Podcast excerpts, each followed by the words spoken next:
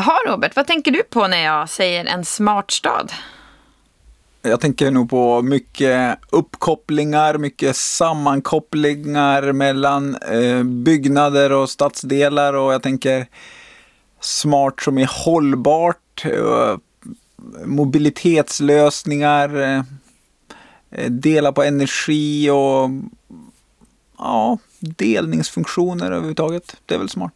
Ja. Tänker du smart som att bo på ett annat sätt? Tänker generationsboende eller bo eh, kollektivt eller? Ja, det var inte det jag tänkte på, men när du säger det så är ju det också ett, ett smart sätt att bo, att dela på ytor. Mm. Mm.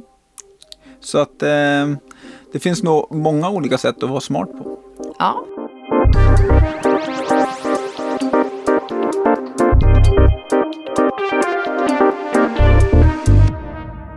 Välkommen till Smarta Hem-podden med mig Robert Bäckström och vi har Malin Hansdotter. Vi arbetar till vardags på Stångåstaden som är Linköpings största bostadsbolag. Och i det här avsnittet ska vi superspännande prata om en ny smart stad som faktiskt byggs i detta nu. Sen letar vi lite jämförelser i våran hemstad som är Linköping och pratar om fördelar med att koppla ihop större områden med varandra. Vår reporter är Rickard Lindholm och han har tittat närmare på de smarta städerna. Välkommen! Tack, jättekul att vara här. Det här ska bli intressant. Ja, superintressant att se vad du har hittat för oss idag.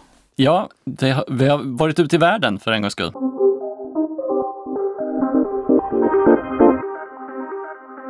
I dagens avsnitt ska vi be oss ut på en liten resa. Resa i öster, om det är så man säger. Vi ska till Japan och titta på Wowen City. Och vår guide kommer att vara Erik Gustafsson, informationschef på eh, Toyota Sverige. Börjar ni ana vad det här kan vara för stad? Toyotas smarta stad. Precis, och vi låter Erik berätta lite mer här då vad det är för någonting. Ja, ett spännande projekt eh, som, som, man, som man nu 23 februari tror man första riktiga fysiska spadtaget för den här prototypstaden som vi ska använda som en testplattform för nya samarbeten, för nya tekniker och eh, bygga ett, ett samhälle, en liten, en liten stad där människan står i centrum. Så nu är man igång. Man har kommit en bit nu, men det här är en gammal Toyota-fabrik som man har lagt ner. Och där ska man då nu istället bygga en smart stad helt från grunden och tänka på smarta uppkopplade lösningar hela vägen egentligen. Du ser en fabrik man har lagt ner, man river alltihopa. Det är själva Ja. området man använder, inte fabriken. Nej, precis. Alla lokaler, nej, man har rivit allting. Men det där är ju ett ställe att besöka liksom för att, att få se. Men det kanske man i de här tiderna besöker digitalt. Ganska enkelt.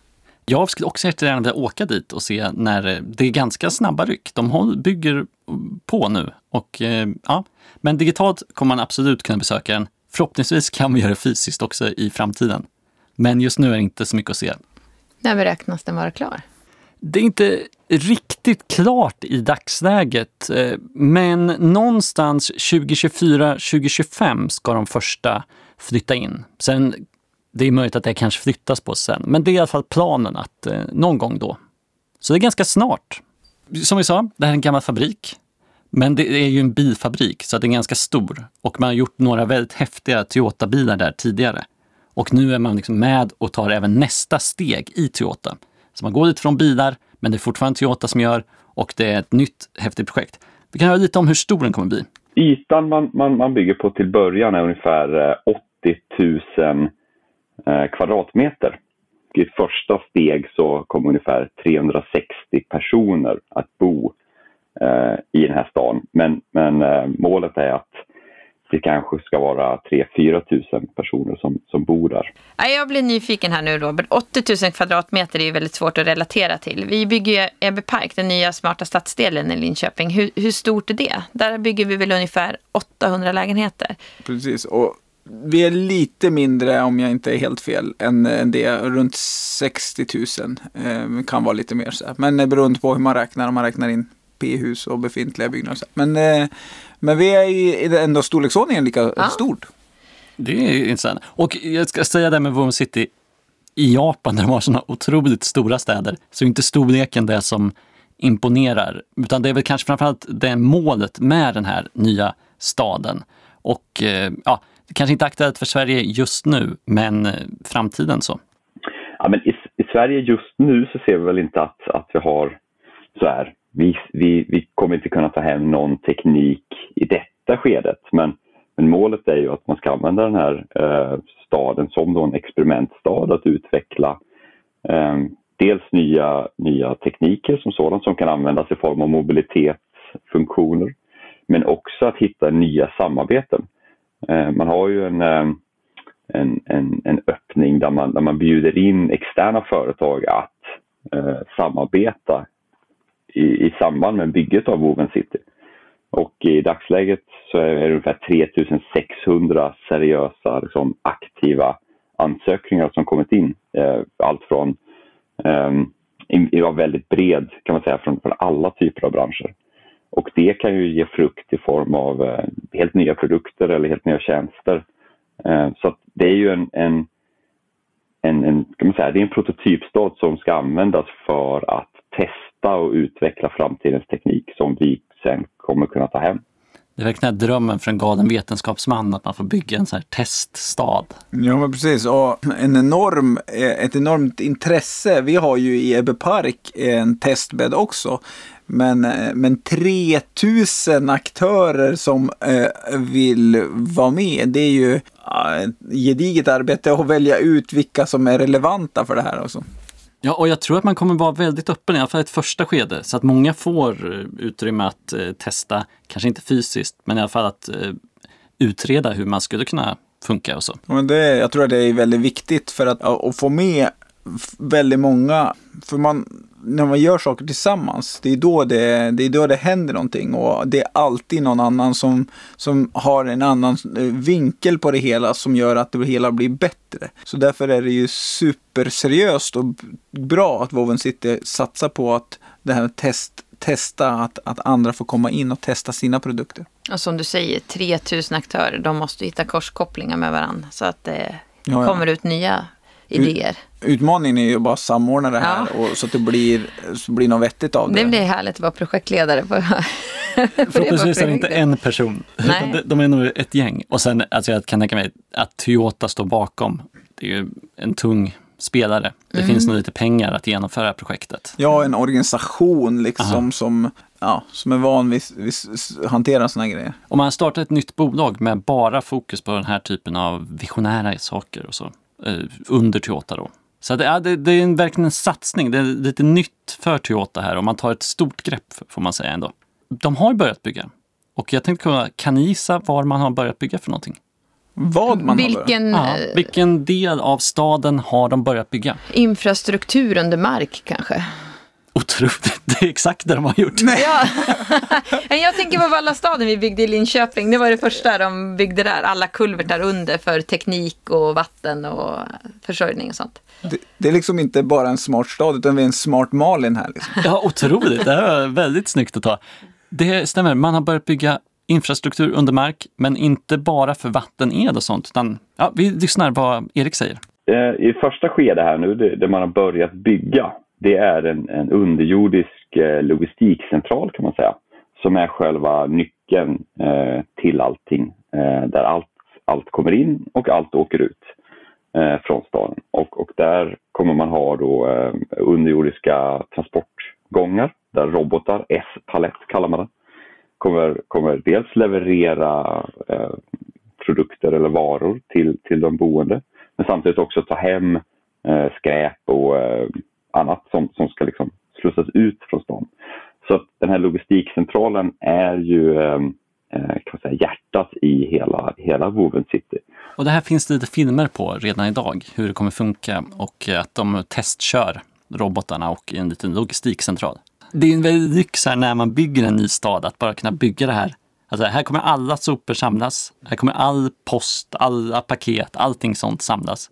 Och sen kör vi in det. Du får bort väldigt mycket av de här transporterna inne i en stad på det här sättet. Undrar hur mycket Kiruna har eh, gjort sådana lösningar. De har ju byggt en helt ny stad. De, flytt- eller, de flyttade ju staden liksom. Så de fick ju börja på noll. Pratar de inte alltid bara om att de flyttar den där staden? Har de, Nej, har de nej. någonsin gjort det? Är, jag har varit på studiebesök där. Jaha. Ja, ja, ja. Superintressant.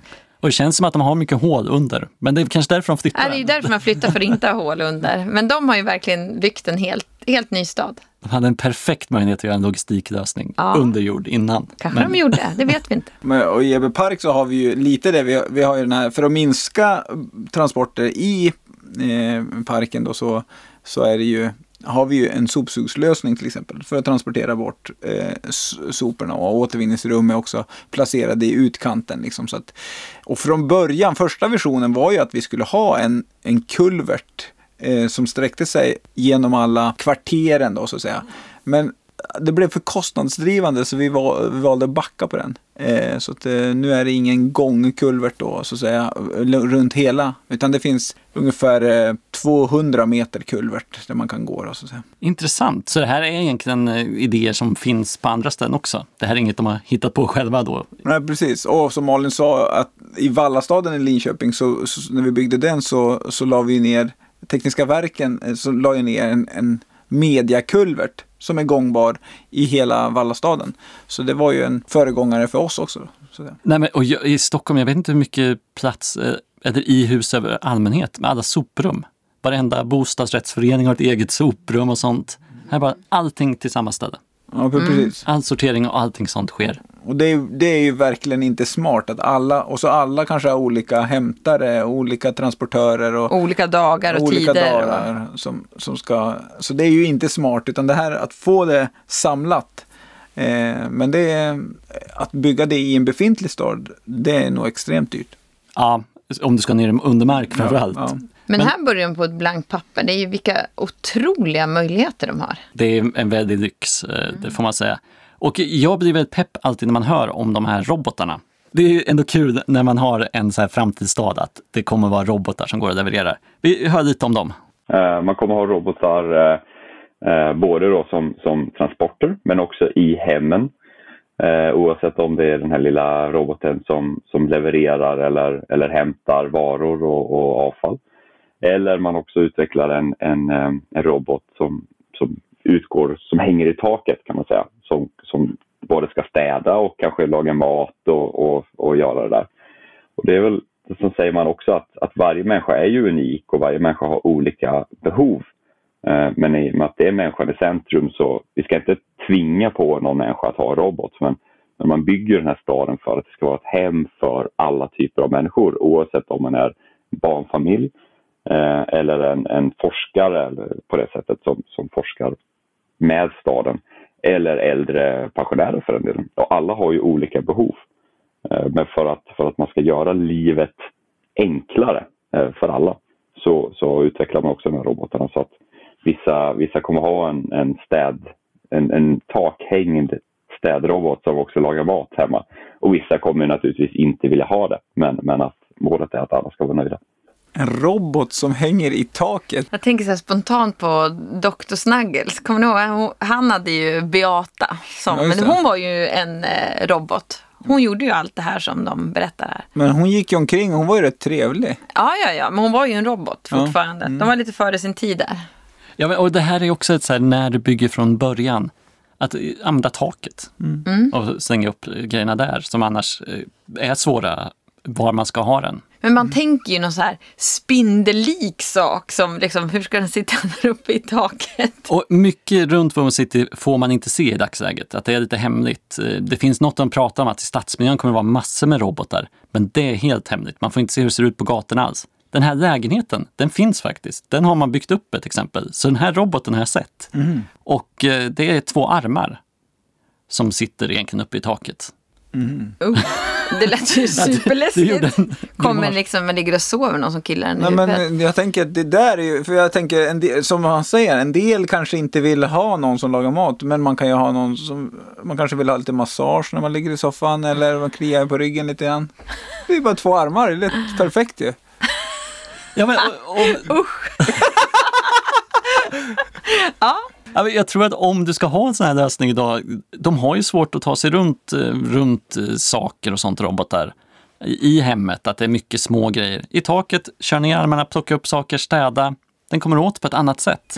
Ja, Men- Absolut alltså. ja, du såg framför dig att du vill ha det där hemma. Vem Massa. får, vem får bo i staden? Får man ansöka om Ja, att man få flytta? ansöker. Får flytta in. Ja. Så det, ja, men det är ju långt att pendla till Linköping Ja. om någon av er ska... Ja, men man kanske kan vara projektledare på Woven City istället. Ja. För det är på Öby Park. ja, det är nästan same same. Ja. Men eh, kommer det, du säger att man får inte se någonting i nuläget, men när staden är klar, då är det en stad som vilken stad som helst. Då kan du åka dit. Ja, det kommer nog uppmuntras till och med. Att Mm. man kommer bjuda in folk och vilja att många kommer dit och hälsar på. Men Mm. ja, den kommer också vara öppen. Så att det ska gå. Men det är som du säger, idag får man inte se så mycket. För att mycket är inte klart heller. Men det man har färdigt är ju en eh, digital tvilling. Och det är ju för att, för att kunna dels snabba på utvecklingsprocessen.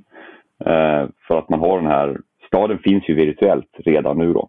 Eh, men det kanske finns hundra versioner av staden för att man ska kunna testa och, och verifiera vad som funkar och inte funkar. Och det är också ett helt nytt arbetssätt som, som vi företag kommer dra väldigt stor nytta av i framtiden av utvecklingen av bilar eller fordon på det sättet.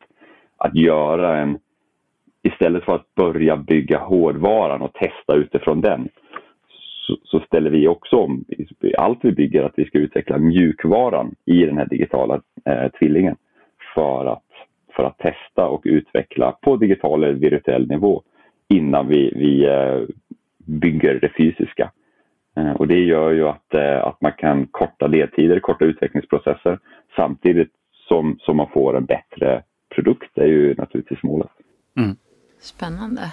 Ja, det där, det där tror jag är jätteviktigt och det tror jag är framtiden. Just att för att få utvecklingen att skapa de här digitala tvillingarna eh, där man kan testa saker som annars skulle kosta väldigt mycket och ta enorm tid eh, för att få kunna utvärdera. Och jag vet inte om alla har koll på vad en digital tvilling är idag. Visst har du jobbat en del med digitala tvillingar, Robert?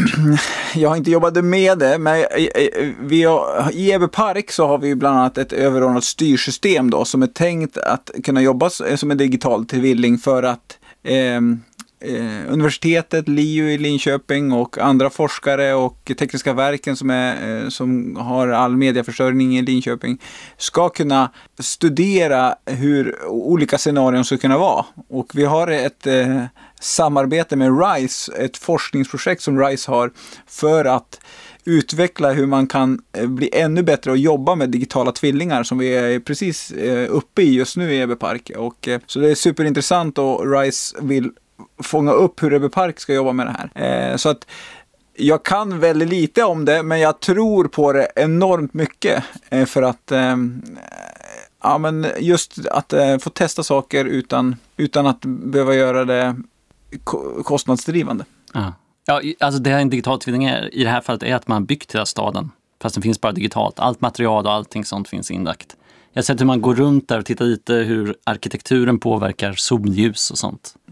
Så man kan redan innan man bygger titta lite på hur kommer det här påverka resten av staden. Ja, och, och sen eh, för oss handlar det mycket om energiförbrukning och media och, och, och ja, men allt hur man ska dimensionera saker och, och, och hur, det påverkar eh, hur man påverkar varandra, olika fastigheter och så här. Så att det, och då kan man ju eh, laborera um, i, i den miljön liksom, som om det vore byggt. För att man, man, man kan sätta in flöden. Och när vi pratar om de här 3000 företagen som vill komma och- eh, vara med och testa. De kan ju redan vara inne i den digitala tvillingen. Sen får man se hur många det faktiskt är som kommer vara i den fysiska miljön sen. Men digitalt kan man börja testa lösningar redan nu. Ja, och, då, och då är det ju, eh, jag tror det är en hjälp. Eh, alltså alla tester kan man ju säga är lyckade. För att en misslyckad test är ju lyckat på grund av att man vet att det är misslyckat. Och då, kan man då måste man testa någonting annat. Eh, och det är det som är så risk, riskabelt när man bygger ett stora projekt i, fysiskt och så sen testar man nya grejer och så blir det misslyckat. Så därför, de här testerna i, i den virtuella världen, i digitala tvillingen, det är ju, de är nästan alltid lyckade. För att då tar man bort dem från det verkliga byggandet. Finns den här digitala tvillingarna-staden, har du fått sett den? Eller är det hemligt? Ja, det är, fortfarande vill man inte släppa... Jag har sett eh, vissa delar av den. Sett, man har sett några områden. Men man vill inte riktigt släppa på stadsbilden riktigt. Kommer det vara speciell arkitektur där eller kommer det se ut som en vanlig stad? Det såg ganska modernt ut, men eh, inget så... Inga spisade hus liksom? inte bara, inte det jag såg. Var det nej. inget sånt, nej. Nej, Men eh, varför inte? När Ja. man ändå har chansen. när man så. håller på, ja. Nej, men det såg ganska rimligt ut, eller vad man ska säga. Mm. Och det är inte så långt i framtiden man tänker att det här ska vara klart heller. Nej. Så att det, Jag tänker att det är ju en studieresa. jag hänger på. Ja, Smarta Hempodden. Smarta On hempodden the på road. Ja, ja, ja. Jag pratade med Erik så hade inte han fått vara där ens eh, nej. på Toyota. Så att han var... men det är bra om vi kommer. Det gör inte för- oss något om vi åker före honom. Det är lugnt.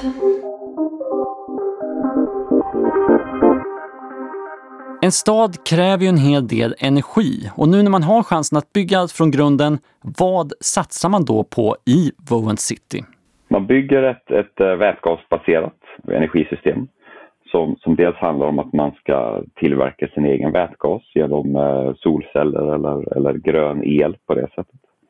Eh, för att man då ska kunna dels balansera elnätet, kunna, kunna ge så låg elförbrukning som möjligt över tid genom att använda vätgas när det är dyrt, dyrt att bygga eller dyrt att använda el samtidigt som man eh, använder annan el när det är billigt så att säga.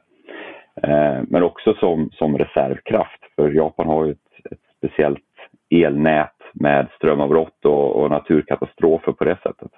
Och där spelar vätgasen, inte bara i Woven City utan i hela Japan, en, en viktig framtida roll att, att som reservkraft kunna, kunna driva samhällen även, även i form av naturkatastrofer. Så att det är ett vätgasbaserat energisystem. Men det är ju väldigt smart och, och hållbart att tänka både eh, heltäckande på med energisystem och, och tänka förnybart. Liksom. Att man ska egentligen vara lite självförsörjande. Liksom. Men, Ja.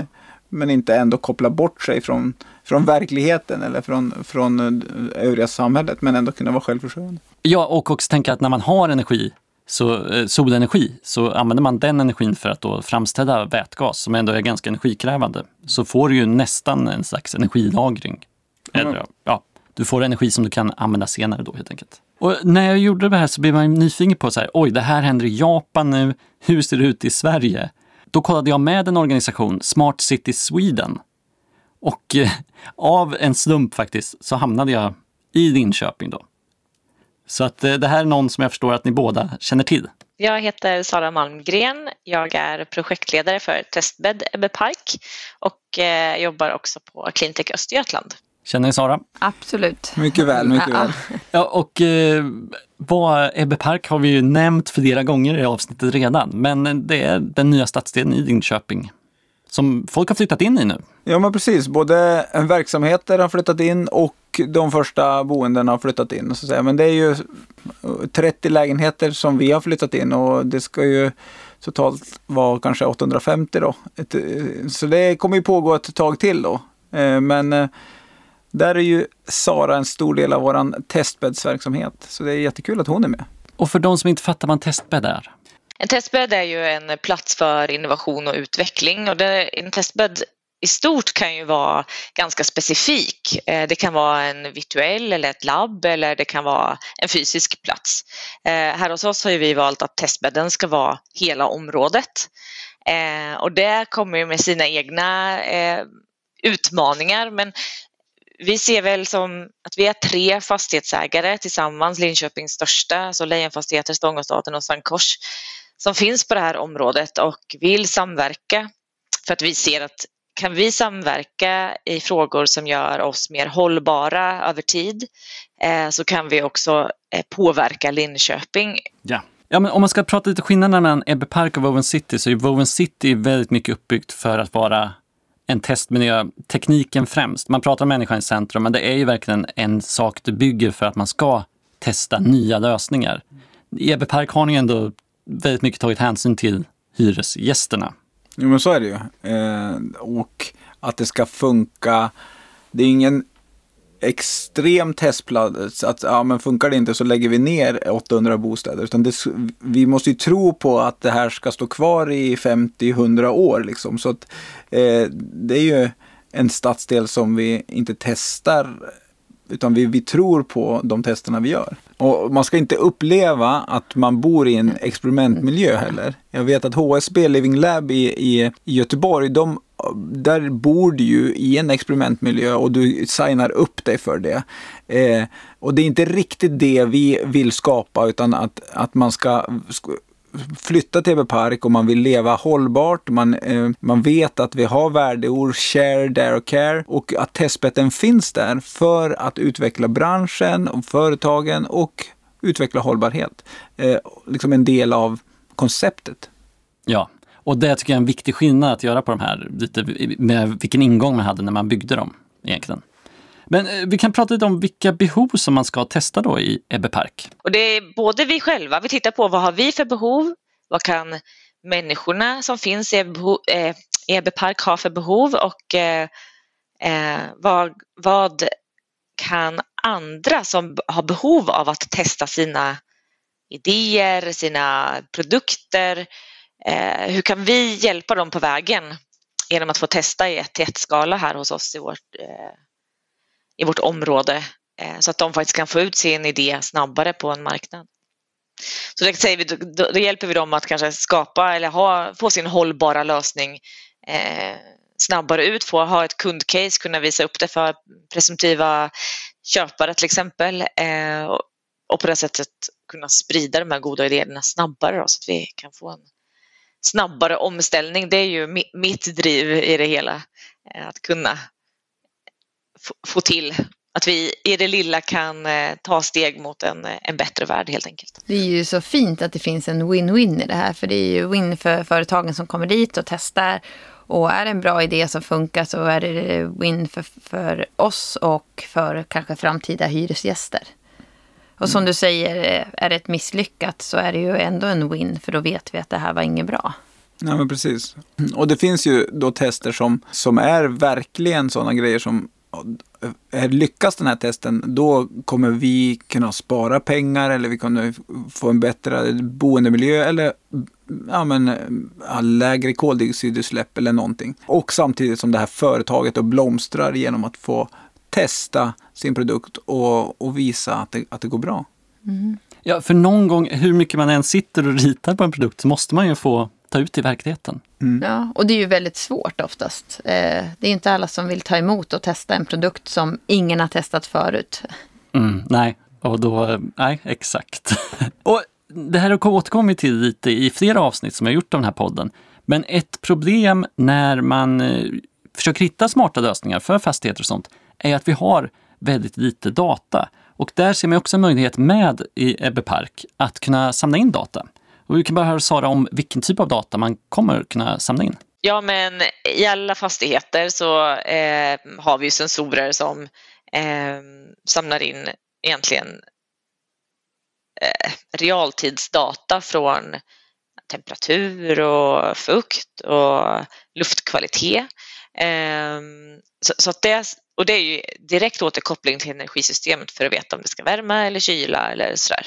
Så, så det finns ju.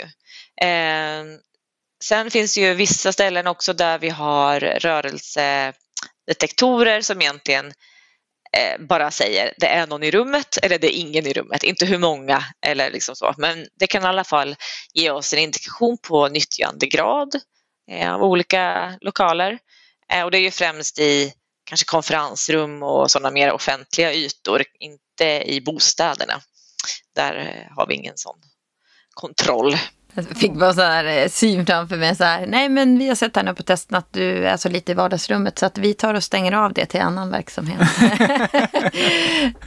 ja, men det är exakt så man gör fast då. Fast i offentliga lokaler, då är det ju okej. Okay. Men det hade varit kul om vi hade haft de testerna i äh, lägenheterna. Mm. Helt plötsligt har det flyttat in någon annan i vardagsrummet.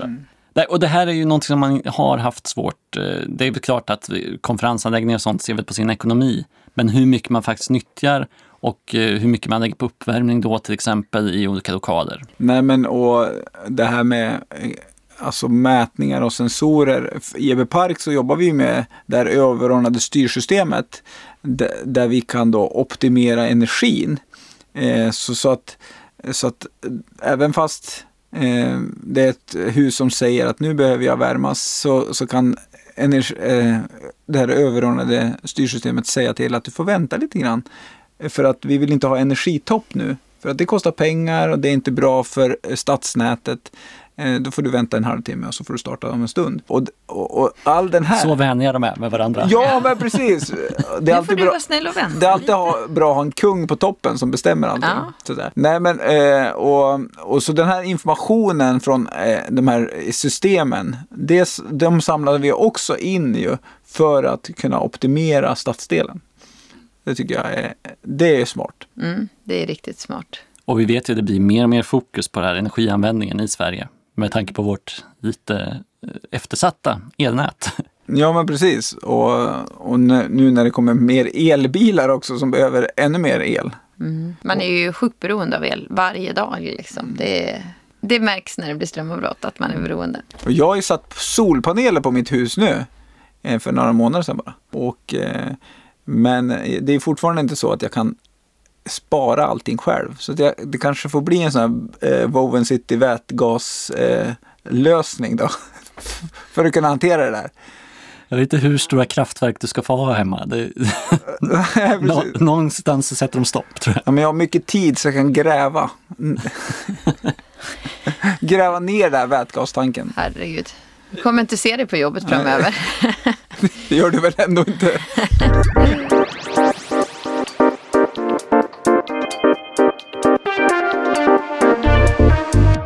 Intresset runt projekt som Ebbe Park och som Woven City är väldigt stort. För att det finns inte jättemånga ställen egentligen där du kan testa alltså, i större skala. Det finns flera fastigheter eller, eller en hel stad.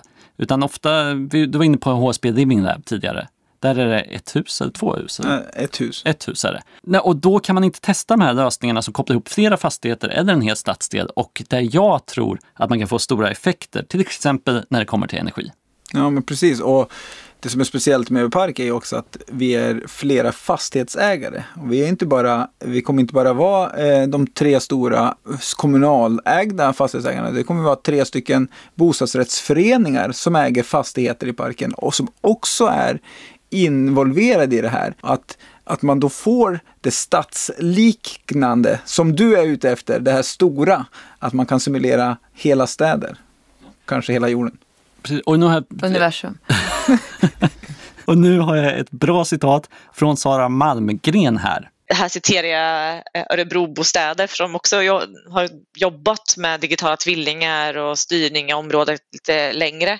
Ehm, att, att liksom, vi är ju bara små organismer, små myror i en myrstack där liksom staden är myrstacken och vi måste liksom se helheten för att kunna göra någon verklig påverkan eh, om man nu vill minska energianvändningen till exempel. Då. Ja, och det här blir ett väldigt bra steg i att försöka, som du är inne på, ta ett grepp om helheten egentligen. Mm. Kunna simulera en liten stad. Ja. Och sen när vi kollar på Woven City, där finns det en ännu större fördel när man kan påverka hur det byggs. Att du redan i det stadiet kan vara med. Vi hoppar tillbaks till Erik på Toyota. Jag tror att, att det är i stort sett bara fördelar. Dels att man kan, eh, man, man kan bygga infrastrukturen från början. Eh, man kan bygga in någonting. Att, att utveckla någonting i efterhand och, och vidareutveckla, det är ju, är svårare eh, för att det kan bli dyrare och, och det är lite omständigare för man, måste, man har så många externa faktorer att ta hänsyn till. Men att, än att designa och utveckla någonting från början som ska vara uppkopplat eller eh, sammankopplat eh, är ju mycket enklare. Jag att, att om vi skulle börja bygga en underjordisk logistikcentral i, i vilken svensk stad som helst med, med underjordiska gångar som levererar och hämtar varor. Eh, det vore ju ett, ett uh, ouppnåeligt projekt i mina, eh, i mina i alla fall amatörögon.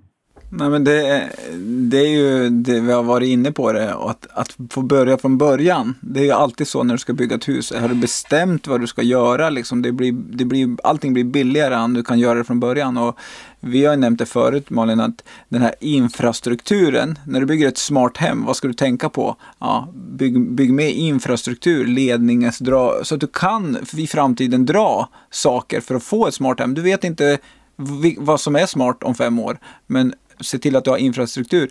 Och så gäller det i en stad eller en stadsdel också. Ja, det är väl en jättebra liknelse. Ja. Jag funderar på de här i den... Eh, om de inte hade haft digitala tvillingar när de bygger den här staden.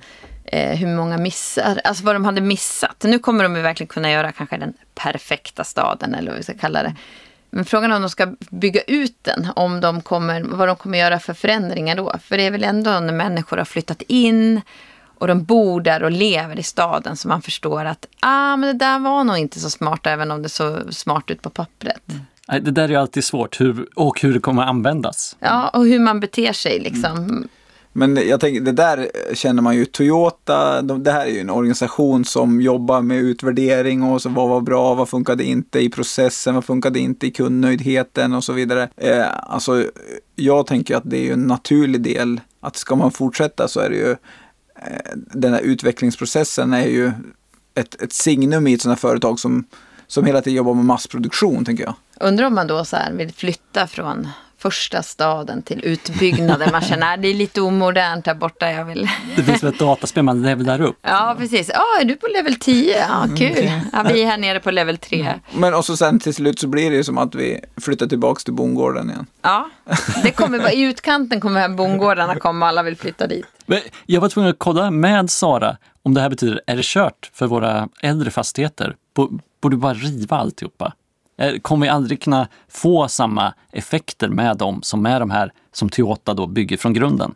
Det kräver ju kanske en annan eh, eh, digital infrastruktur i äldre fastigheter, men såklart att det går. Men mycket fokus på äldre fastigheter är ju liksom, ja men då blir det ju renovera, eh, täta, eh, göra alltså byta fönster, isolera och sådana saker om man tänker titta på energisnålheten och sånt. Eh, men sensorer och sånt, det tror jag kan vara ganska lätt installerat egentligen. Det är klart det kräver ju en insats, men det går. Så det finns hopp ja, även för dem? Ja, och sen tänker jag vi måste ha våra gamla fastigheter och skärmen och lite drag längs golvet. jo, men... Vi får inte tappa hela liksom, det är ändå någon slags kulturarv. Ja, precis. Och, men även de som har drag längs golvet har ju ett fiber in i huset nu så att det går ju att få uppkopplade grejer ändå eh, och dragiga golv. Du kan ja. få båda liksom. Ja, jag tror man måste ha båda i en stad. Jag kan tänka mig, nej, men jag kan tänka mig att den här Toyota-staden kommer kännas lite steril på något sätt. Även om man bygger och... Men när allt är nytt så blir det ju ändå en speciell känsla. Hur, eh, det här Woven City, vad, vad, vet vi om hur de transport, människorna ska transportera sig där inne? Vilken utmärkt övergång. För jag tänkte innan vi lämnar där så var jag bara tvungen att fråga, är det här bara ett sätt från Toyota att få sälja fler bilar egentligen? Jag tror inte att eh, någon kommer äga sin bil i Woven City. Eh, om, om man ska vara krasst sett. Eh, redan idag ser vi ju att privat eller, eller för ägda bilar står ju parkerade en väldigt stor del av, av tiden. Och ska vi bli effektivare i allt, allt vad det handlar om att liksom ta mindre plats samtidigt som vi ska göra mindre klimatpåverkan, då handlar det om att, att använda eh, färre bilar mer. Eh, att höja nyttjandegraden på alla typer av transportmedel som vi använder. Så att, så att, i framtiden är vi helt övertygade om att färre och färre kommer äga sin egen bil och istället kunna använda en form av eh, mobilitetstjänst oavsett om det är en samåkning eller att man, man hyr en bil. Eh, oavsett om det är en timme, eller en vecka eller en månad. Eh, så att färre och färre kommer äga sin bil. Naturligtvis kommer det gå olika snabbt beroende på var man bor. Om man bor i Stockholm eller i, i, i, eh, i landsbygden i Sverige eller för den delen i Tokyo. Det ser ju väldigt olika ut. Där är ju lite, i Vallastaden i Linköping var ju deras vision lite att det inte skulle finnas några bilar i Vallastaden. Det finns bilpooler eh, som man skulle bli medlem i om man flyttar dit. Och så finns det parkeringshus i ytterkanterna för att parkera om man eventuellt har en bil. Eh, så det, det jag tycker Vallastaden är lite lik, eh, alltså inte, jag pratar inte att det är en sån så smart stad, men de har ändå plockat in lite grejer han pratar om eh, här.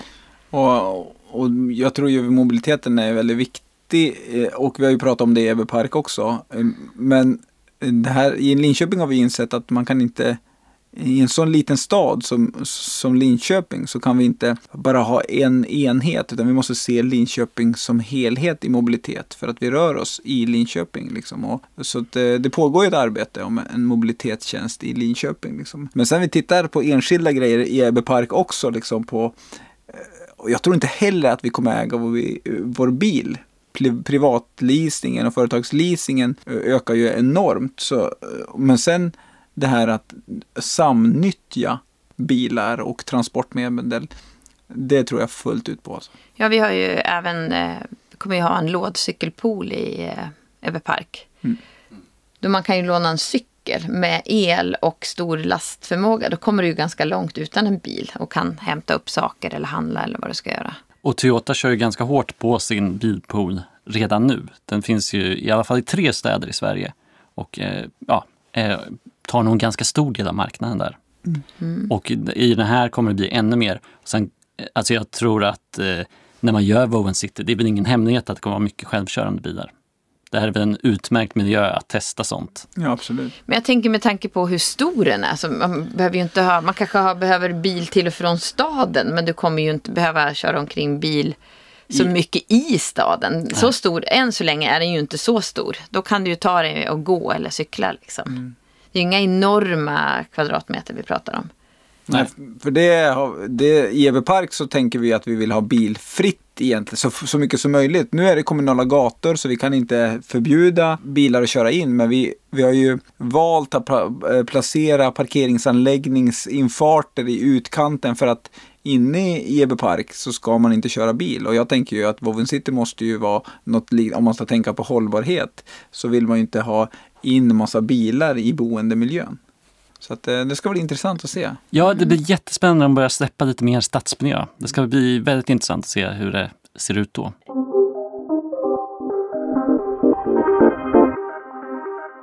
Ja, men Robert, vad tycker du vi har lärt oss av dagens avsnitt idag? Vad tar du med dig?